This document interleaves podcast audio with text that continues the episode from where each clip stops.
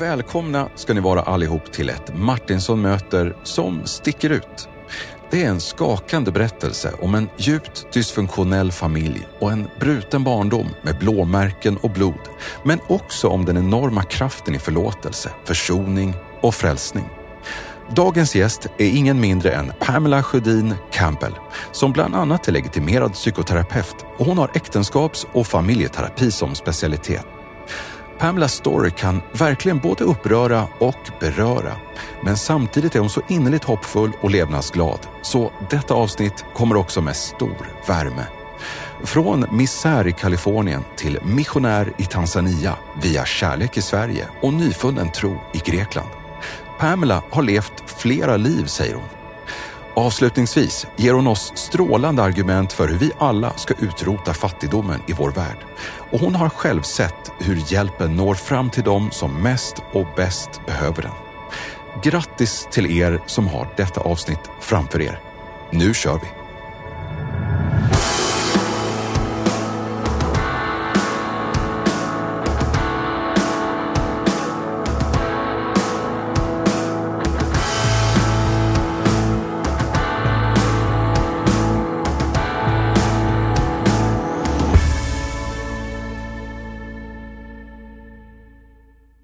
Hörni vänner, då har jag hälsat er alla varmt välkomna, men då är det min glädje och ära och det här har jag längtat efter att få säga.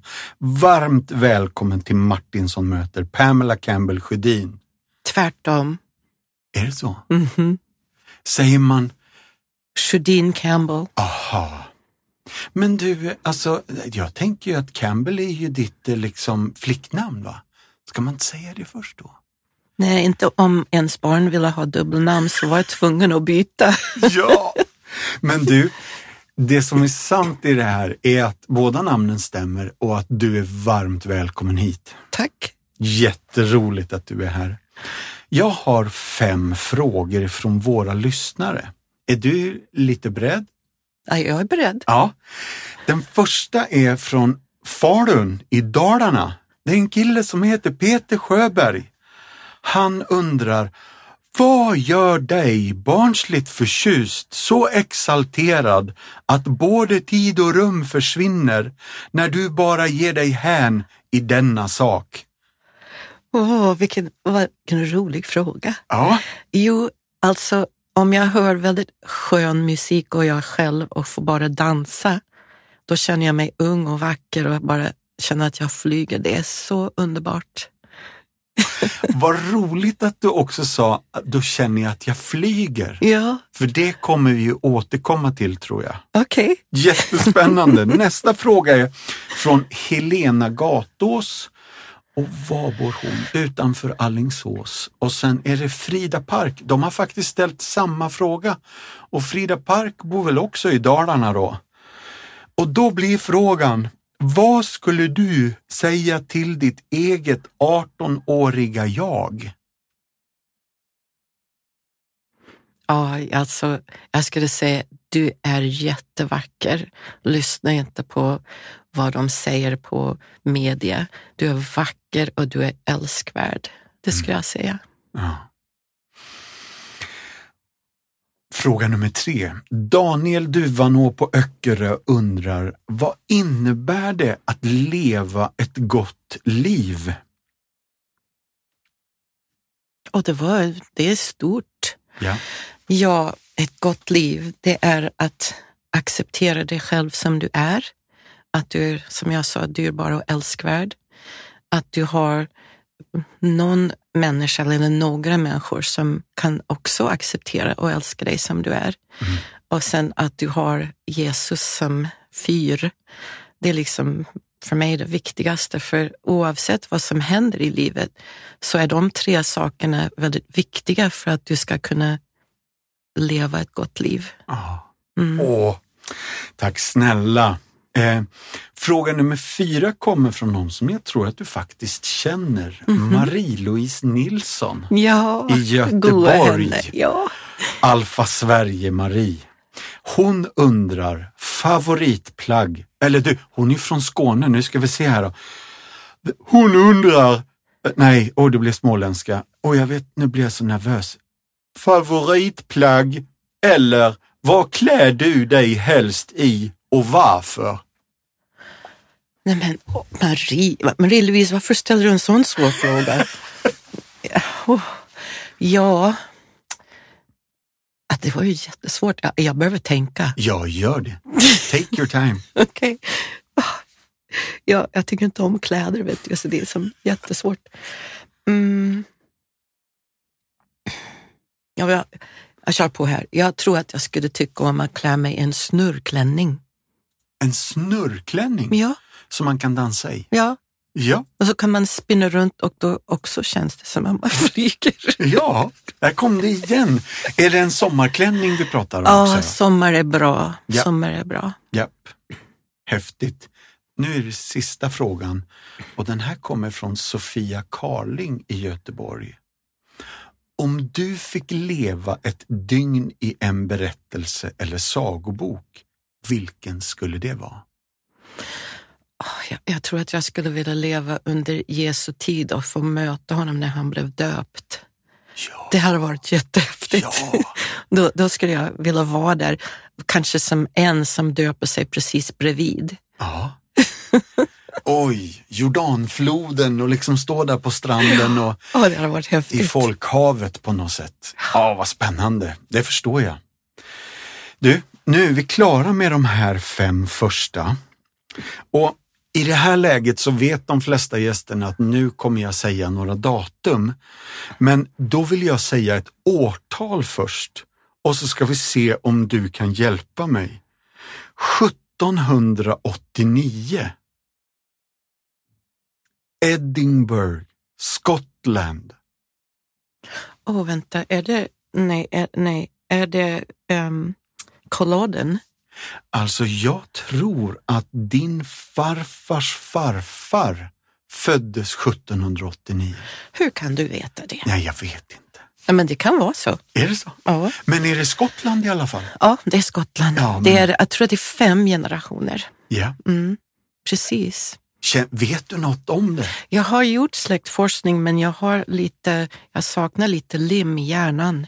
Ja. Ja, så då, saker kommer inte, speciellt årtal, de kommer ju inte upp så bra. Nej. Men eh, det är alltså, jag, jag tycker det är så spännande, då fördjupar jag mig i, alltså då jag går in på släktforskning och så kan jag försvinna från jorden ett tag. Så det, det är väldigt intressant. Så att det, de eh, åkte till Nova Scotia Mm. och sen min pappa var första generation i USA. Mm. Så, och sen kom jag tillbaks till den här sidan av jorden. Ja. Mhm. Och då kommer det datum här nu då. Vad hände den 7 maj 1955? Ja, jag var född då. Ja. Mm.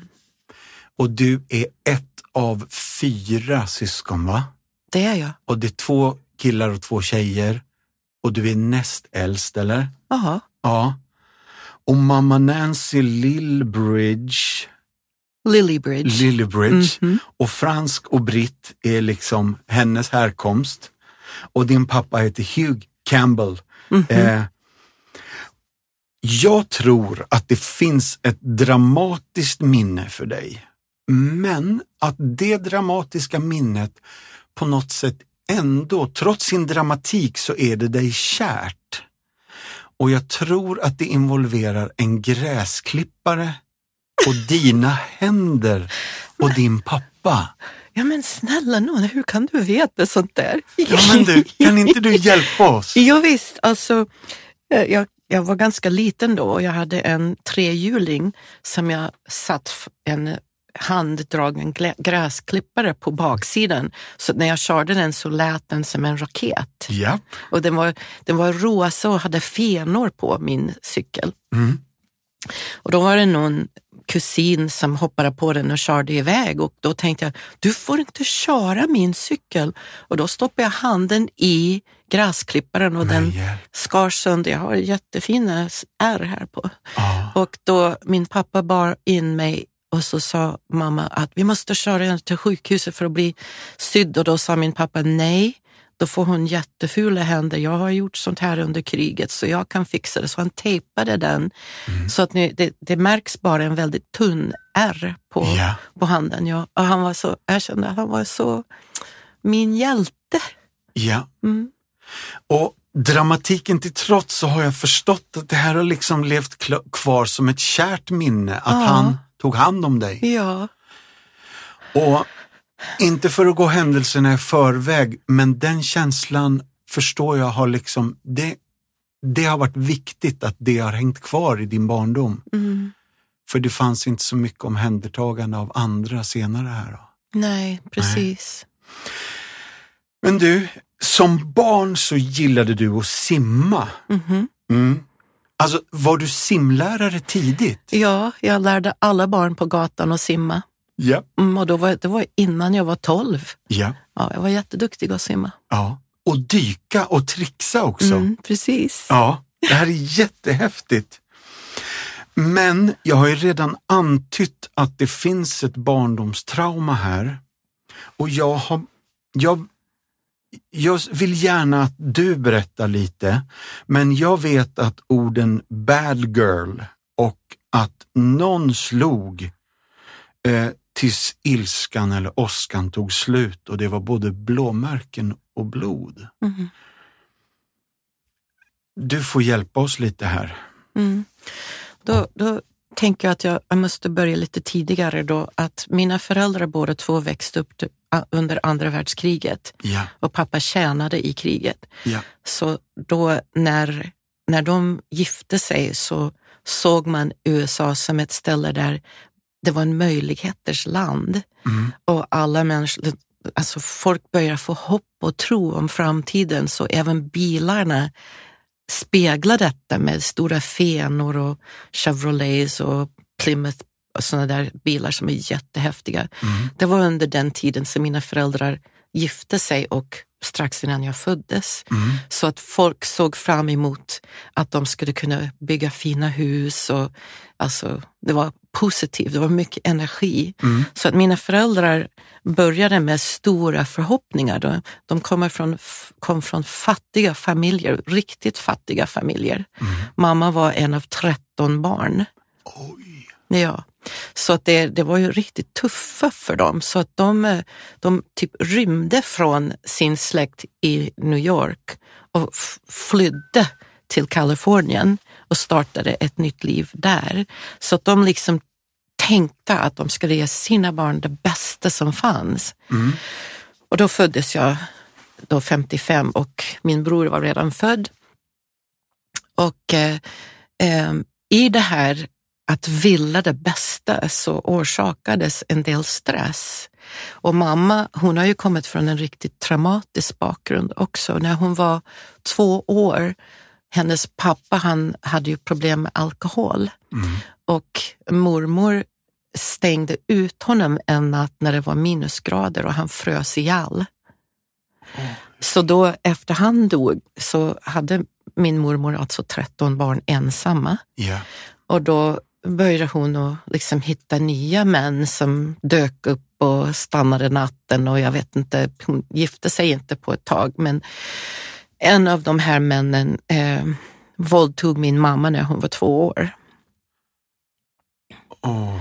Så hon började med riktiga traumor och hon eh, blev skickade till eh, sådana här hem och fosterhem och sånt där. Och sen träffade hon min pappa när hon var 16 och min pappa var 26, så de var 10 år emellan. Mm. Och då blev de stört kära och ville liksom starta det här livet tillsammans. Så det var jätteviktigt hur det startades. Va? Ja. Och så kommer de till Kalifornien och eh, min pappa var byggare. Han, han eh, byggde hus och sålde och så köpte de en liten hus som han eh, mm, byggde om och sådär. Och sen planerade de för att få barn. Mm. Så då föddes vi tre stycken ett år emellan. Alltså för, första, andra, tredje, alltså bara ett år emellan oss. Ja. Och mamma var, hon eh, alltså liksom var inte beredd för ett sånt ansvar. Så att hon blev ju, alltså mamma var traumatiserad så hon hade posttraumatisk stress och jag förstod inte det då. Nej. Och när hon blev jättestressad så tog hon ut det på oss barn. Ja. Och mitt tidigaste minne av att bli slagen, jag minns att jag var för liten och sätta mig på sängen utan jag fick klättra upp på sängen. Ja. Och då hade jag gjort någonting, jag vet inte vad, och så sa hon, och då, då, jag visste vad jag skulle göra, hon sa, gå och lägg dig på sängen och dra ner byxorna. Mm. Så då klättrade jag upp och drog ner byxorna och så minns jag hur hon slog och slog och slog och slog. Och då, jag, jag, jag minns hur jag försvann i en annan värld. Mm. Då, då hoppade jag upp i luften och flög. Ja. Och då, eh, jag minns hur det såg ut också när jag flög. Jag såg en sån här slingrande eh, flod och gröna berg. Och det var så vackert och då blev jag lugn och sen slog, alltså, om jag rörde mig, om jag pep eller grät, då slog hon ännu mer. Så jag lärde mig att man skulle ligga helt stilla, helt tysta tills hennes vrede gick över. Mm. Så det var det alltså där det kom. Men, men eh, jag tror kanske det är därför jag läste psykologi, för jag ville förstå mig själv och jag har fått lära mig att förstå min mamma också. ja. Mm, så det var tufft. Verkligen. Eh, Monrovia High School, Kalifornien. Mm, Eh, någon förort till Los Angeles, eller? det är det. Mm. Eh, och sen någonting som heter Alverno Heights Academy. Och nu är vi någonstans 1972, men då har det hunnit hända en hel del här va? Mm. Och är det då du börjar plugga psykologi? Ja, faktiskt. Jo, Ja. Det var en av de första kurserna som jag... Alltså, jag slutade high school ett år tidigt för jag, jag var tvungen att jobba. Ja. Så jag jobbade dagtid och läste på kvällarna. Och samtidigt som jag läste mitt sista år på high school så tog jag en psykologikurs på, på college, Ja. Citrus College. Och då, det var där jag upptäckte att det var något som var intressant i mitt liv, för min, psykolog, min psy- psykologiprofessor, han hade ju bett oss skriva någonting om våra liv och då skrev jag och då ville han liksom träffa mig och prata med mig och då blev jag livrädd.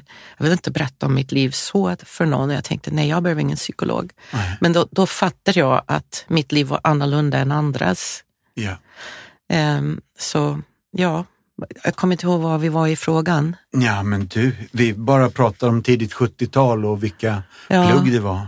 Jo, och den tiden alltså, jag hade ju, eh, mm, alltså min mamma var redan död då. Just det. Mm. Här har vi hoppat över många händelser. Ja, jag kan säga att 67 så ramlade min pappa från ett avokadoträd och bröt ryggen. Och då ville inte min mamma ha honom mer, utan hon stängde ut honom, slängde ut honom från Mm. vårt hem. Och han eh, flyttade till Sierra Madre och startade ett annat liten bus- business för han kunde inte bygga längre. Nej. Och eh, mamma började dejta en läkare för hon tänkte att den här läkaren skulle rädda henne från eh, ekonom ekonomiska problem. Ja. Mm. Och eh, då minns jag att mitt i natten eh, så ringde det på dörren. Jag var van att min pappa blev utlåst innan han bröt ryggen så att han knackade på dörren och så gick jag i sömnen och släppte in honom. Ja. Så det var ungefär så. Jag gick i sömnen och öppnade dörren och så står en, en kvinna där och då säger hon till mig, är du horans dotter? Jag bara, va? Och så fortsatte hon så här, så efter ett tag så bara sa hon, "Nej, men nu, nu har jag stört tillräckligt och så försvann hon. Och då sa jag åt min mamma vad som hände och då hörde jag min mamma prata med någon i telefon. och då hörde jag henne säga, men om du är så svag att du inte kan stanna kvar för dina barns skull så kan jag till och med ge dig med, eh, tabletterna. Så hörde jag henne säga. Yeah. Sen fick vi höra att den kvinnan var frun till läkaren som min mamma dejtade ja. och så den kvinnan tog sitt liv den natten. Men. Ja, Mm. och sen efter det så ville den här läkaren och min mamma föra ihop oss två familjer. Han hade tre flickor, Mm. men de hatade oss förstås. Och då insåg den här läkaren att det här inte skulle gå. Så inom ett år så började han att dejta någon annan. Ja. Och mamma, mamma blev ju riktigt deprimerad och hon började dricka. Och hon eh, bestämde sig en dag att hon skulle ta ihjäl sig så hon körde på fel sidan av motorvägen och, men lyckades klara sig. Ja. Kom hem med en trasig bil och då blev jag rädd att jag måste vaka över henne. Mm. Men, eh, och sen kom hon hem en natt, då hade hon tagit en överdos Mm. och, och eh, hennes ex-läkarpojkvän kom och gav oss något tablett som vi skulle hålla henne vaken hela natten. Då var jag 15. Ja. Men det gick inte, så min bror hade precis tagit sitt körkort och då körde vi henne till sjukhuset där hon jobbade, till eh, emergency. Och eh, hon var jättearg att vi lämnade henne där, men de pumpade magen och inom en timme var hon hemma igen. Ja. Men min bror och jag åkte till våra jobb. Vi jobbade på en eh, Winchell's Donuts Ja. och då satt vi där och drack kaffe och så pratade om hur vi skulle göra om mamma tar livet av sig. Ja. Så kom vi hem och då är hon hemma och så ropar hon när vi öppnar dörren. Eh, så jag är inte ens död än och ni tar, eh, utnyttjar min frånvaro. Mm. Och då sa hon att hon skulle göra vårt liv miserabelt för att hon ville dö och vi stoppade henne. Och hon verkligen, alltså det var fruktansvärt att leva med henne. Ja. Det där var typ i oktober. Ja. Och sen december så gav hon oss en julklapp och så sa hon, ni får åka till Mexiko en Ja. vecka. Och då åkte ni alla fyra barnen? Mm, då åkte ja. vi alla fyra. Yes. Och när vi var och jag frågade henne några nätter innan vi åkte, kommer du att vara här när vi kommer tillbaka? Så hon sa, nej jag tänker åka bort. Jag sa, ska du ta med dig kläderna där du åker? Hon sa, de behövs inte. Då Nej. tänkte jag, okej. Mm. Så jag ringde till några släktingar, till min pappa och sa, mamma ska ta livet av sig, nu åker vi. Mm. Så åkte vi till Mexiko en vecka och när vi kom hem så var huset fyllt med sorgfolk Ja. och hon hade tagit livet av sig då. Och eh, alltså, pappa ville inte ha oss. Han hade ju startat ett nytt liv. Ja. Så vi bodde, vi fyra barn, ensam i det huset. Och min bror och jag jobbade och då köpte vi mat och liksom låtsades som att allt var normalt. Men vi tog inte hand om alla räkningar för huset och så. Nej. Så det upptäcktes efter några månader att min lillebror som var bara sex, att han började bita barnen i skolan. Och Ja. då, då sa de att, eh, då, då undersökte de och förstod att det var föräldrafritt. Ja. Och under den tiden så började jag att eh, röka hash och upptäckte droger, droger och sen hade jag min första sexuell erfarenhet och alltså var, jag var helt Mm. borttappad. Ja. Det var en fruktansvärd tid. Och sen när min pappa, han kom hem en, en dag och då låg jag i sängen med en kille och då kastade han ut mig så du får inte bo här något mer. Nej. Så då började mitt liv själv. Då hade jag precis fyllt 16 Ja.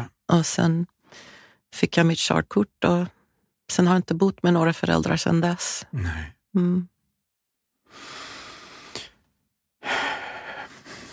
Oj, oj, oj. Ja. Hela den här tiden, jag förstår, du försökte ta hand om dig själv. Du och din storebror fick ta hand om de små.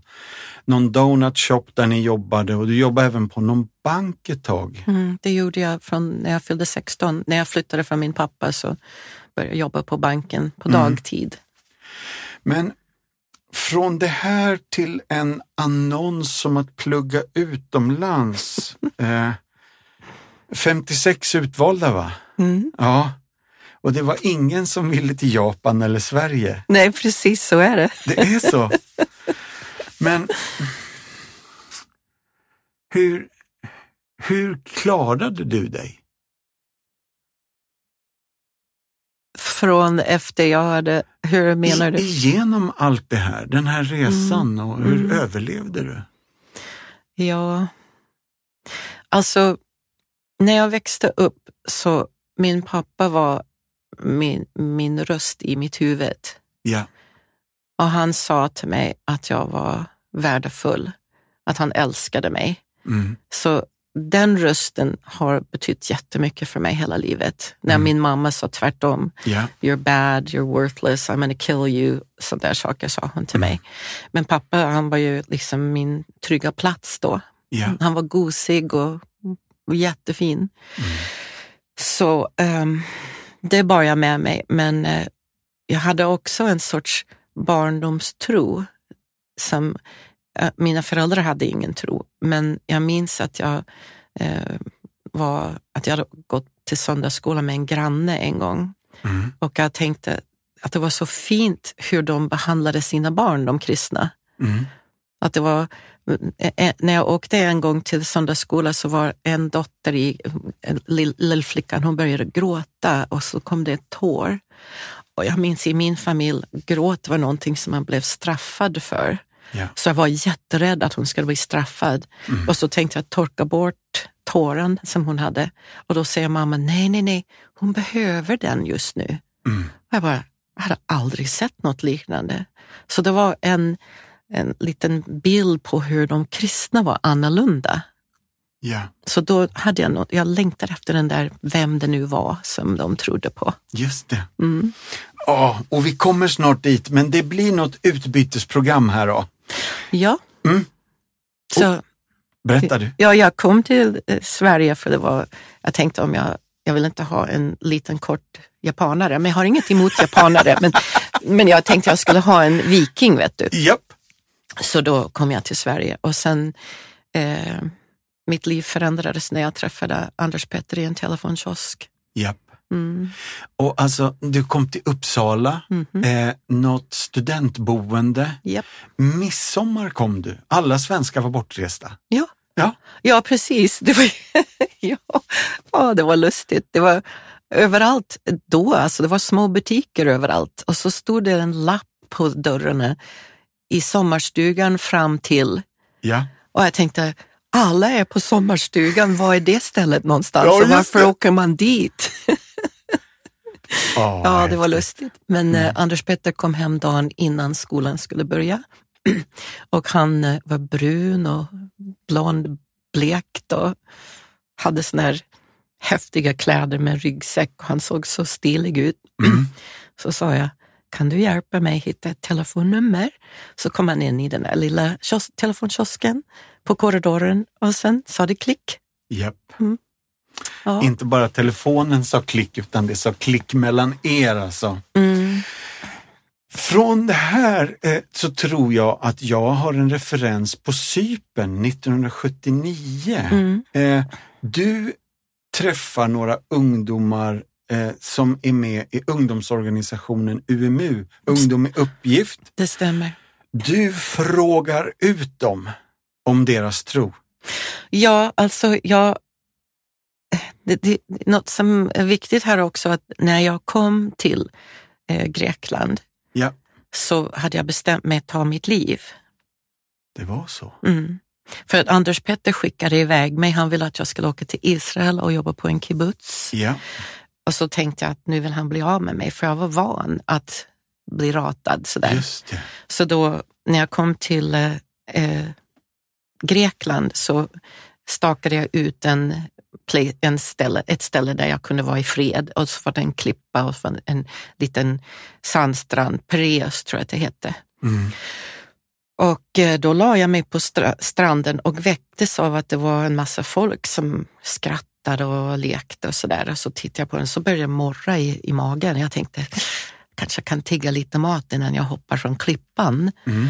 Och då mm, började jag prata med dem och, och alla berättade för mig om Jesus och hur han hade förändrat sitt liv och sådana där saker. Och jag bara, det här har jag aldrig hört talas om. Då sa, kan inte ni komma med oss till eh, kvällsandakten? Och då, då sa de att det skulle vara uppe på den klippan som jag tänkte hoppa. Yeah. Jag tänkte ska du bränna mitt pass och sen skulle jag hoppa så att jag skulle bara försvinna, ingen skulle veta vem jag var. Och då kom jag upp på den platsen där de hade andakten och sen de sjöng lovsång, det hade jag aldrig hört i mitt liv. Och det var en man som berättade lite och sen när det var färdigt så bad de. Och under tiden så hörde jag en röst som sa till mig, du ska vara hos Linda i tre dagar. Min bästa kompis i Kalifornien hette Linda. Mm. Så att jag, jag tänkte det var, jag vet inte vad det var för tanke, så jag bara struntade i det. Sen gick alla och så kom det en tjej på slutet och så sa hon, jag kände att Gud ville att jag skulle berätta för dig om, om mitt liv och jag tänkte, varsågod, alla andra har gjort det. Mm. Och då berättade hon om hade hon haft sex och Gud gjorde henne till en jungfru igen och att hon eh, hade hållit på med droger och sånt där. Så jag kände, och så var hon från Kalifornien och så var hon född 7 maj. Och alltså bara tänkt, det här är lite konstigt, som vilket Ja. stämde va. Ja, Och vi har hållit ihop sedan dess. okej. Eh, och vi bara träffades den dagen och inget, sen efteråt så har vi träffats ett par gånger men Ja. Ja, så, men hon hette Jan, inte, eh, Linda. Linda. Nej. Nej. Men jag sa, känner du någon som heter Linda? Hon sa, ja, Linda hon ska till Cypern om tre dygn. Jag bara, jaha, jag ska åka med henne. Ja. Och då sa hon, va? Alltså, men jag hörde en röst som sa att jag skulle vara med Linda i tre dagar. Och hon sa, hörde du en röst? Alltså, men du, hon hade ju bett för mig. Hon sa, tala till Pamela på ett sätt som hon kan förstå. Då hörde jag den igen. Ja. Så då sa hon, har Gud pratat med dig? Tänkte, ja, det har han gjort, tror jag. Och så gick hon till sina ledare och jag gick till min sovsäck och låg under stjärnorna och tänkte, Gud, du talade till mig. Mm. Så kom ledarna på morgonen och sa att ja, vi tror att det är rätt att han har talat till dig, så du får gärna åka till Cypern med Linda. Men då var vi tvungna att vara kvar i Grekland i tre dygn. Ja. Och så var vi på en militär bas med några kristna amerikaner och de undervisade varje dag om Jesus. Och så på andra dagen på kvällen, så, då, alltså förresten, de hade sagt till mig att för att jag skulle lära känna helig ande så måste jag gå i min kammare. Och de hade ett li- litet, litet hus, så tänkte jag, då går jag in på toaletten. Mm. Så då satt jag där och så folk knackade på dörren, nu behöver jag toaletten, för det fanns bara en. Ja. Och så, så den andra kvällen så sa de, vi, nu ska vi be för dig. Så kom det flera människor i någon bönegrupp och jag satt i mitten och så la de händerna på mig och sen fick jag tungotalet. Mm. Och då var jag liksom riktigt sådär frälst två meter över marken. Mm. Så, så åkte vi till Cypern på bibelskolan Ja. och då, då fick jag läsa, eh, vad hette det för första kursen, DTS. ja. Ett halvår va? Ja. Ja. Och sen liksom, det här kanske är Anders story, men han kommer med en morakniv. ja, han, han älskar att berätta den. Men Ja. du, du, du kan ju fråga honom, men ni får ju lyssna på nästa avsnitt Ja. faktiskt. Men jo, han var väldigt stilig när han kom för att rädda mig. Ja. Ja, så Ja. Jag, jag ville vara med honom, men det var jättesvårt för han var inte troende så att jag sa nej. Ja. Och då var han jätteledsen. Men Ja. jag lovar att om ni lyssnar på nästa avsnitt så hör ni alltihopa. Åh, vad spännande. Eh, jag går då raskt fram till händelserna. 1981 är det bröllop eh, och jag tror att det är påsk. Ja, Uppståndelsedagen. vi valde att det skulle vara så. Mm. Jo, alltså jag var faktiskt gravid innan vi Mm. gifte oss så jag hade en liten mage då. Men eh, jag kände att det var, alltså jag, jag älskade mitt barn oavsett om jag hade gjort ett misstag. Alltså jag var ju ung och dum men, men vi, vi, Robert var i magen och vi gick alla tre fram. Ja, Ja, i Säbrokyrkan i Härnösand. ja. Mm. Åh, vad fint. Så Robert föds 81 och sen är det David 83 Mm. och sen har jag det finns också en tjej som heter Sara Elisabeth Mm. Precis. som, eh, som inte levde när hon kom ut. Va? Mm. Så är det. Mm. Och hon föddes 91. Mm. Och då har vi gjort ett rejält språng, men jag vet att det finns en mycket tragik, dramatik, men också en vacker liksom omsorg runt eran familj i den där utsatta situationen. Mm. Ehm, orkar du ta oss med lite till, till det också? Det gör jag. Mm. Jo, vi var ju eh, skickade till Tanzania som missionärer och blev sända alla fyra. Det var fantastiskt. Mm. Och eh, vi, jag hade ju försökt få, eller vi försökte i åtta år att bli gravida men det gick inte av någon anledning. Alltså jag förstår folk som vill och att det inte blir för varje gång man får menstruation så gråter man. Men eh, då blev jag gravid och eh, det blev något fel med graviditeten och vi reste runt till läkare för att förstå var, varför jag mådde så dåligt under graviditeten. Men till slut så fick jag havandeskapsförgiftning. Okay. Och sen eh, fick jag föda fram Sara som inte levde. Hon hade eh, vad heter det? Eh, spinal ambifida. får ni slå upp. Yep. Ja. Och eh, eh, hon är begraven i en missionärs grav i mellan Illanbola sjukhus och kyrkan där. Eh, men det här är ju en intressant berättelse också för att jag, jag hade sån stark tro att hon skulle komma ut levande så jag bad. Alltså det tog, eh, jag fick eh, dropp och det tog tre dygn innan hon kom ut. Så att Ja. jag var riktigt illa däran. Ja. Men jag bad hela tiden att Gud, du är så stor, du är så god så att då kan hon väl, väl komma levande. Vilket vittnesbörd det skulle bli. Mm. Men sen när jag födde henne så började jag förblöda och när de fick ut henne så la de henne i en, en metallskål. Och när jag såg hennes hand bara hänga utanför skålen så förstod jag att hon inte levde. Åh. Och då ville inte jag leva heller, utan då bara gav jag upp. Så de höll på att försöka rädda mitt liv och Anders Petter var med också. Han fick eh, pumpa luft, Ja, det var mig. någon respirator Ja. nästan som var en handpump. eller fotpump var det. Fotpump. Mm, han fick fotpumpa det. Och eh, under den tiden som de försökte rädda livet av mig så hade jag en jättestark upplevelse. Jag, jag, som, jag flöt bara i en, en blå atmosfär. Du gör ofta det. Ja, Ja. ja det, var så, det var så härligt liksom och så liksom kände åh, det, här, det är så harmoniskt och underbart och sen hörde jag en röst säga är det ingenting som du vill återvända till? Mm. Och då sa jag, nej du, det är så skönt här. Och så fortsatte jag så här bara. Jag hade inga, ingen kropp, jag var bara som en ande i en fantastiskt skön atmosfär. Sen kommer rösten igen och säger, är du, är du säker att det är ingenting som du vill återvända till? Och så, men varför säger du det igen? Har jag glömt någonting? Mm. Och då tänkte jag, Anders Petter, han blir ju ensam. Jag måste tillbaka. Och då var det som, min enda förklaring som jag alltid sagt, det är som att gå baklänges i en dammsugare. Alltså det var så kämpigt att ta ett steg. Typ. Ja. Då kämpade jag och så skrek jag med allt vad jag orkade. Vad är du Anders Petter? Så att de, när de försöker rädda mig så ser jag han mig att jag börjar röra munnen.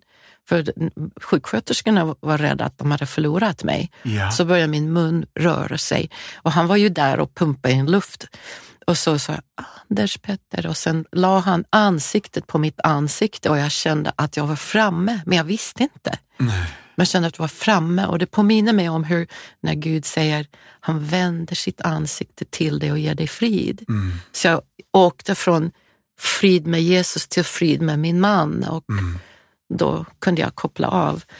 Så att när jag till slut vaknade till och liksom vi begravde Sara och så, så fick jag mycket tid att ligga i sängen och be, men jag, jag var mitt emellan att inte vilja leva eller måste Gud göra någonting stort. Ja. Så då fick jag en massa kallelser ut till byarna, men jag kunde inte. Jag var så dålig så jag fick ligga nästan tre månader. Men till hösten så började jag gå på de där kallelserna. Mm. Och jag tänkte, jag har inget att säga, jag har bara förlorat ett barn. Så kom jag, står jag framför kvinnor och så, de hade valfärdat långt för att komma och lyssna på mig. För det här var viktigt för dem. Din berättelse gjorde någonting med deras... Ja. Ja. Precis. Så då sa de att vi, vi tror då att du är en profet eftersom du har begravt ditt barn och ditt blod i våran jord.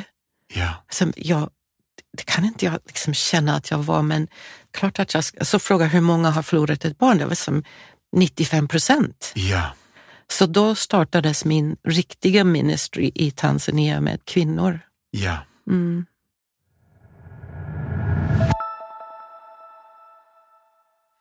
Räddad från hungersnöd och svält. Abiot blev utan arbete efter de plötsliga skolstängningarna och restriktionerna kring covid-19-pandemin. Hon är en ensamstående mamma som uppfostrar sex av sina nio barn själv och kunde inte göra något åt någonting när livet tappade kontrollen och hon fick stanna hemma utan jobb, utan inkomst för att ta hand om alla barnen. Hon brukade arbeta som skolkock och gynnades inte bara av den inkomst hon tjänade utan också frukost och lunch till barnen som garanterades genom regeringens skolmatsprogram. Mitt hjärta gick sönder när skolan stängdes och mina arbetsgivare sa till mig, vi kan inte hjälpa på grund av corona. Varje dörr stängdes rakt i ansiktet på mig, berättar hon. Abiot förlorade nästan all sömn i många nätter och försökte desperat hitta en möjlighet att hålla sina barn med mat och vid liv. Hon var tvungen att övervinna sina skrämmande tankar och tvingade sig själv att lyssna på livets röst inombords. Hon valde att leta efter en lösning från Compassions kyrkopartner där hennes fyraåriga son Habte Mariam nu ingår i fadderbarnsprogrammet.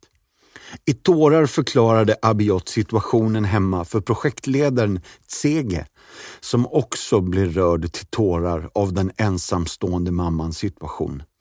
Tsege ordnade fram mat åt familjen i flera månader plus hyrespengar tills covid-19-krisen hade passerat. Nyheten fick familjen att jubla av glädje. Äldsta dottern Etsub hissade upp sin bror Habte Mariam i luften och fångade honom. Tack och lov att du föddes! Glad grät hon. Det är på grund av dig som vi har mat i huset. Compassion har räddat mina barn från hunger, säger Abiot glatt. Compassion är anledningen till att jag inte klagar på Gud och nu är de min anledning att tacka honom. Jag ser tydligt varför Gud förde oss till kyrkan. Vart skulle jag annars ha tagit vägen för att få den här hjälpen? Du som lyssnar, jag vill utmana dig. Swisha en gåva till Compassion. Här kommer numret. 936 41 936 41 och du som kan, gå in på vår hemsida och bli fadder idag. För 310 kronor i månaden kan du vara med och förvandla liv tillsammans med oss. Gå in på compassion.se och bli fadder idag. Tack snälla för att ni är med och förvandlar vår värld. I Jesu namn.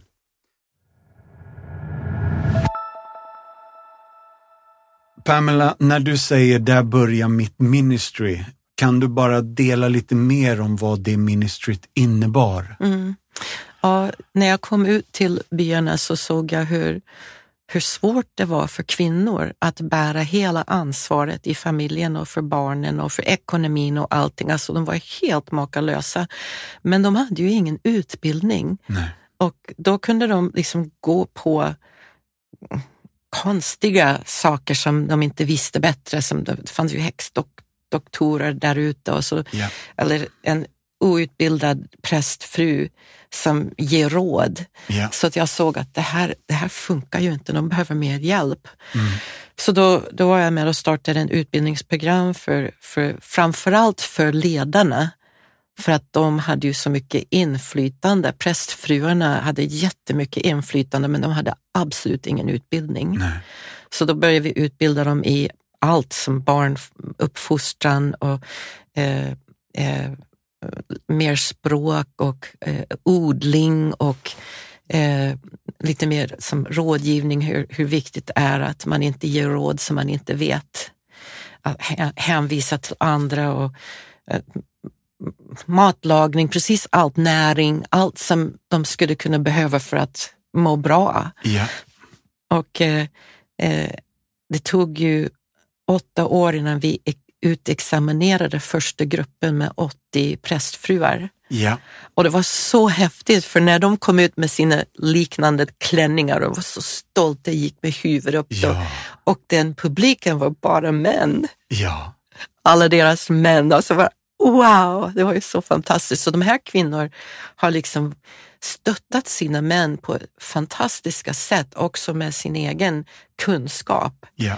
Eh, det betyder jättemycket för Iringa stift. Mm. Sen har vi försökt fortsätta med utbildning och sen eh, började det bli mer och mer att folk fick ju utbildning så det var inte lika viktigt att de hade just den här gruppen. Just det.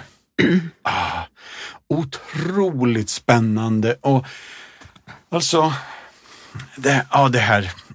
Jag som jobbar med Compassion känner ju att hela hjärtat bara bultar för hela den här verksamheten och verkligheten och alltså vilken enorm kraft en utbildning innebär. Mm, verkligen. Alltså det är liksom från liv, från död till liv. Det är verkligen stor dramatik i det här. Mm. Mm. Du, vi ska gå vidare med din life story. Eh, sommaren 94 tror jag ni flyttar till något ställe som heter Frösö. Heter det så? Ja, det heter Frösön. Ja. Mm. Och det ligger någonstans utanför Östersund.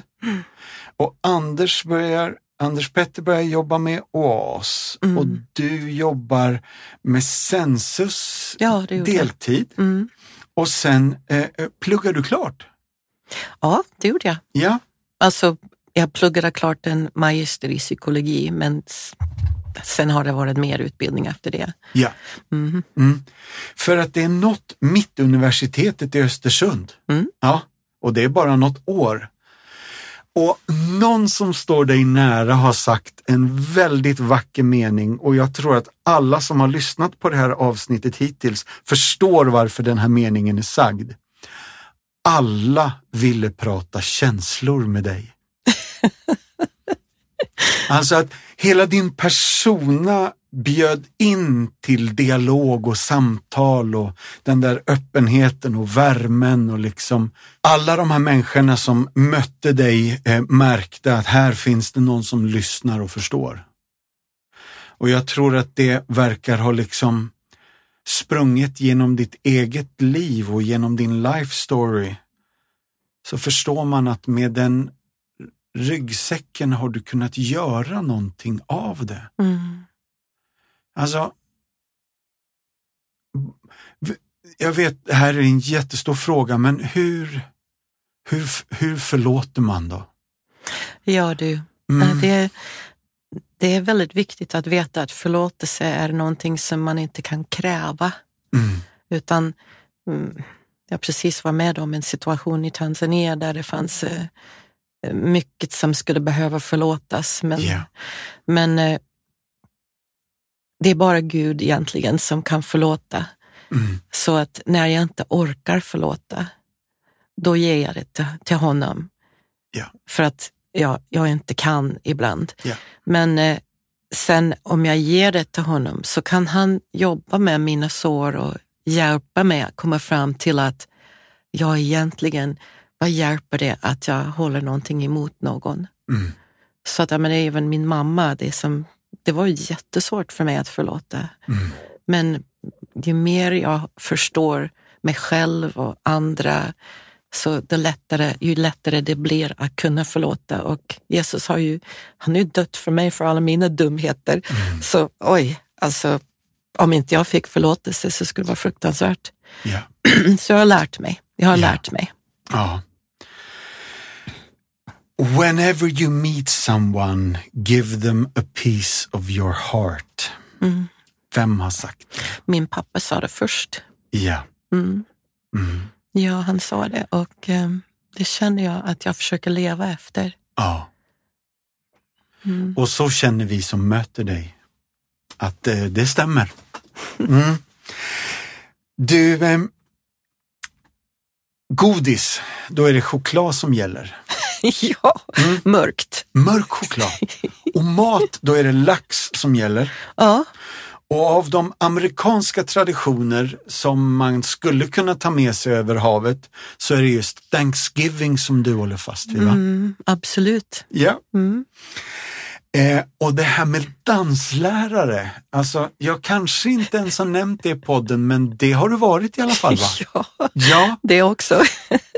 och du avslöjade tidigt att du gärna liksom tar en sväng om när du är ensam. Mm. Eller ibland på mina dejtar med min man. Det var det jag tänkte komma till. För det här med date night, det är varje fredag Ja, absolut. Och har varit hela tiden. Ja, nej, inte hela tiden. Nej. Det tog ett tag att få min man att ha ett program. Han gillar inte program för han är ju, han är ju spontan, men Japp. nu, han ser fördelarna med det. Ja. Så det här, nu hör ju jag, nästa fråga är det, är, är det att rekommendera? Men då behöver vi inte ens svara på det. Det är uppenbart. Mm. Och då dansar ni. Det här låter som ett äktenskapstips faktiskt. Ja, det är Mm.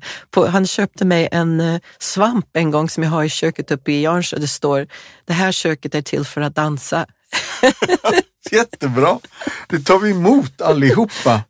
Och sen älskar du naturen. Mm, Och ni har haft en hund Ja, som har varit så väldresserad så alla blev imponerade. Och det är mycket tack vare dig. ja. Ja, Hon heter Safi som betyder rent eller vitt. Hon är, var så fin och hon, hon eh, lydde mig väldigt bra men jag tränade henne i ett helt år som valp. Men en sak som hon kunde var hon kunde se människor. Så eh, en, en gång när jag var ute på promenad så var det en tjej som satt på en parkbänk och grät. Då gick hon upp och började nosa på henne och då tjejen började klappa henne och då sa, sa jag, "Eh, min hund ville bara säga att hon tycker synd om dig. ja. Och hon fick klappa henne en stund och så fortsatte vi och så gick hon till grannarna och liksom lät i fönstret och så släppte de in henne och flera grannar sa till oss att hon hade hälsat på. Alltså, hon spred glädje i våran kvarter. underbart. Mm. Alltså, jag har förstått att du har älskat att flyga sedan du var ung, men när du var 58 så satte du igång med någonting som de flesta 20-åriga killar gör. Vet du vad jag pratar om? Ja. Mm. Ja, när, när jag var 58 så såg vi en film, eh, I think, jag tror det heter Beautiful Life eller någonting sånt där. Som, han var ju paraplegic och inte kunde röra sig så att då fick han åka ut på en eh, skärmflyg. Ja, Ja. den franska filmen. Ja, alltså när jag visst. såg den så sa jag till Anders Petter, åh, jag måste få göra det där innan jag dör. Och så gav han mig en, eh, en tandemflyg när jag var 58. Ja. Så då åkte vi upp till Åre. Alltså, då, alltså när jag flög så var det, jag bara sjöng och prisade Gud och killen som satt bakom mig, alltså, jag sa, du får ursäkta mig, jag måste göra det här. Och så, så det är okej, kör på. Och sen när jag landade så tänkte jag, nej det här ska jag göra nästa sommar, så jag tog en kurs. ja. Och sen eh, i, i två somrar så flög jag så att jag, alltså jag fick aldrig mer än en studentlicens, men jag flög 13 gånger själv. Det här är så bra.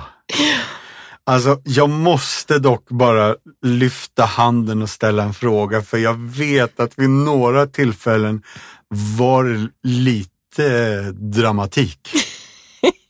Ja, jo, eh, jag har, jag har brutit revbenen två gånger Ja. och så har jag bröt näsan också. Så. och den, den gången som jag bröt revbenen första gången så var det slutet på kursen och då eh, sprang min lärare ner till mig och sa, hur gick det, hur gick det? Ja, det är fruktansvärt, jag kanske inte ska göra det här. Och då sa han, men jag kan hjälpa dig om du vill. Och då sa jag, ja okej, jag ska göra det en gång till. Ja, med brutna revben så flög jag igen då. Ja. Så då var det slutet på kursen. Men sen året därpå så gick jag en ny kurs då. Ja, förstås. Och sen ramlade jag och bröt näsan och revbenen och jag tänkte, men snälla någon, det här är lite för mycket för en gammal tant.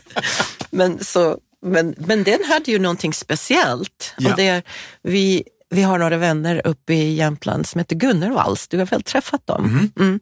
Så vi var på deras sommarstuga. De, de var inte där, men vi låg på brygg, bryggan nere vid vattnet. Och jag hade så ont. Och så plötsligt så ser jag en vision som jag berättade för dig när jag var barn, att när mamma slog så försvann jag någonstans. Och då mindes jag att det var precis där i Åre som Jesus tog mig när jag var slagen. För att det var gröna berg och den här slingrande sjö som vi Ja. flög över i, från Åreskutan där. Det var precis den bilden och när jag såg den så tänkte jag, "Nej, men gud, är det hit du tog mig? Men det tog ju all smärta och den här längtan att flyga för att visa mig att det var det som hände. Kan du förstå kopplingen? Ja, alltså jag hade oh ja. jätteont i kroppen och så ser jag det. Alltså det ah, jag började gråta. Och Anders Petter såg mig för att jag, hade en, han sa att jag såg ut som att jag höll på att lida ihjäl och grät. Han sa, vad är det med dig? Ska jag ta dig på sjukhuset nu? Så nej, Herren talar till mig. Ja. Så det var jättehäftigt för mig att se det. Så från den barndomsbilden så fick du se den fysiska platsen som den bilden hade gett dig. Exakt. Ja, det är så trösterikt. Oj, oj, oj. Tänk vad Gud har koll ändå. Han har koll. Ja, Mm. ja. Du, ja, det finns en by i Afrika som har blivit förvandlad och jag tror att den byn heter Kidilo. Mhm. Ehm, stor misär, men folk har kommit till tro och barn och häxdoktorer och alkoholiserade vuxna människor har blivit kristna och kommit loss. Ehm, och du har varit där. Ja. Ni har tagit dit er församling flera gånger och det här är ett arbete, jag tror att över 15 år eller är det längre? Det, eh, exakt vet jag inte, jag har inte räknat. 2010? Ja, nio tror jag ni var där redan. Ja, nio. Ja. Mm, Ja, men visst 14 år. Mm. Fantastiskt. Alltså med det i bakgrunden så blir det eh, jag förstår att, att frågan känns väldigt stor, men om du skulle vara våran Moder Teresa här i podden idag, Mhm. hur tänker du eh, med den bilden, liksom med den backdropen? Hur tänker du att vi ska utrota fattigdomen i världen? Ja, det, det är en väldigt stor fråga, men, men jag tror att utbildning är väldigt viktigt. Att Ja. alla barn ska kunna få en ordentlig utbildning. Sen är det alltså basbehoven, Ja. mat. Alltså det är så fattigt. Alltså, om man får en skola men man är fattig och undernärd så kan man inte lära sig någonting. Nej. Så att, det, att hjälpa de här människorna att, att skapa egna liv istället för att behöva tigga för att överleva. Ja. Så ehm, när jag var, nu när jag var nere i Tanzania och besökte bondesjukhuset varje vecka Mm. så fick vi en undernärd tjej, alltså hon var två år och vägde sex kilo. Oj, oj, oj. Jag menar, alltså det, Lilla det ska inte behöva finnas. Nej. Och skulle du fråga min kompis Anna om det här så skulle hon sa, säga att vi ska sluta med matspill Ja, och börja använda våra pengar smart. kom igen. Alltså om jag skulle ta all, alltså, jag, det är en tredjedel av mat som kastas. Mm. Så om man skulle använda de pengarna istället för att kasta mat och skicka det till en organisation som Compassion, Mm. vilken skillnad det skulle vara. Många fler barn skulle få mat Ja. och utbildning. Så det, det är jätteviktigt tycker jag. Ja. Mm. Ja, hela ditt liv är ju en vittnesbörd om att det här fungerar. Att tron fungerar och att den här utgivande, kärleksfulla, generösa livsstilen faktiskt är ett medvetet val som leder till både helande och förlåtelse. Ja, Mm, det stämmer. Mm. Din tro har ju burit dig, men jag vet att, att du känner att, att det finns människor i din närhet som har varit avgörande för din läkedom och ditt helande. Mm. Bara hjälp oss här lite. Ja, nej, jag, jag måste säga att, eh, att jag är så tacksam att jag träffade min man i telefonkiosken för att han har varit min allra bästa vän hela tiden. Och han har sett mig som, alltså jag har varit jättetråkig ibland, men han är ju alltid älskat mig trots allt. Mm. Och eh, när vi satt med vår son och hans hustru här om kvällen så började vi prata och då, då insåg jag att vi har inga stora problem, utan vi har en massa löjliga problem i vårt äktenskap. Och det, jag tror det största problemet vi har är frågan om skor. Okej. Ja, alltså, och man kan tänka på, okej, skor som ett problem, alltså det är inte ett problem, det är bara löjligt. Ja. Så att vi, vi, vi har så kul tillsammans, vi skrattar, vi dansar, vi älskar, vi reser, vi delar tron. Och, jag menar, det finns ingen som min man, han har betytt allt för mig och jag är så tacksam. Och sen måste jag också tillägga att jag har två enormt fina söner. De är två av mina bästa vänner. Och de kan säga till mig när jag beter mig illa och de kan älska mig och de är trogna, trogna vänner. Så jag har blivit så välsignad med min familj. Och sen bara på slutet så säger Ja. jag har två underbara barnbarn, tvillingarna. Alltså, det som ger mig mest energi är att bara vara med dem. Ja. Mm, det är det bästa som har hänt, att Åh, kunna få vara gammal och ändå kunna vara med. Mm. Så ja, det är mycket som ger mig energi. Så. Och det är roligt att prata med dig. Ja. Åh, du Pamela, jag vill bara tacka så jättemycket. Eh, för att du delar din berättelse. Eh, öppnar dörren till så mycket svårt. Men i och med att du vågar göra det, det märkliga är att det blir ju lite ljusare för oss. Det hjälper oss att liksom höra din story, finna tröst i det som du faktiskt har genomgått och kommit ut på andra sidan. Mm. Så stort tack för att du delar din berättelse med oss och stort tack för att du kom till Martinsson möter idag. Tack, det var jättekul. Mm. Gud välsigne dig. Ja, men detsamma till dig. Slut för idag och tack för idag allihopa. Vill du veta mer om det som har pratats om i podden så har vi något på vår hemsida som heter Show Notes. Där kan du se alla länkar till sånt vi pratar om när vi refererar till en film eller en bok eller en sång. Då finns de länkarna där, så gå in på compassion.se så hittar du helt enkelt massa extra material. Tack, ha det bra, bye bye, hej då!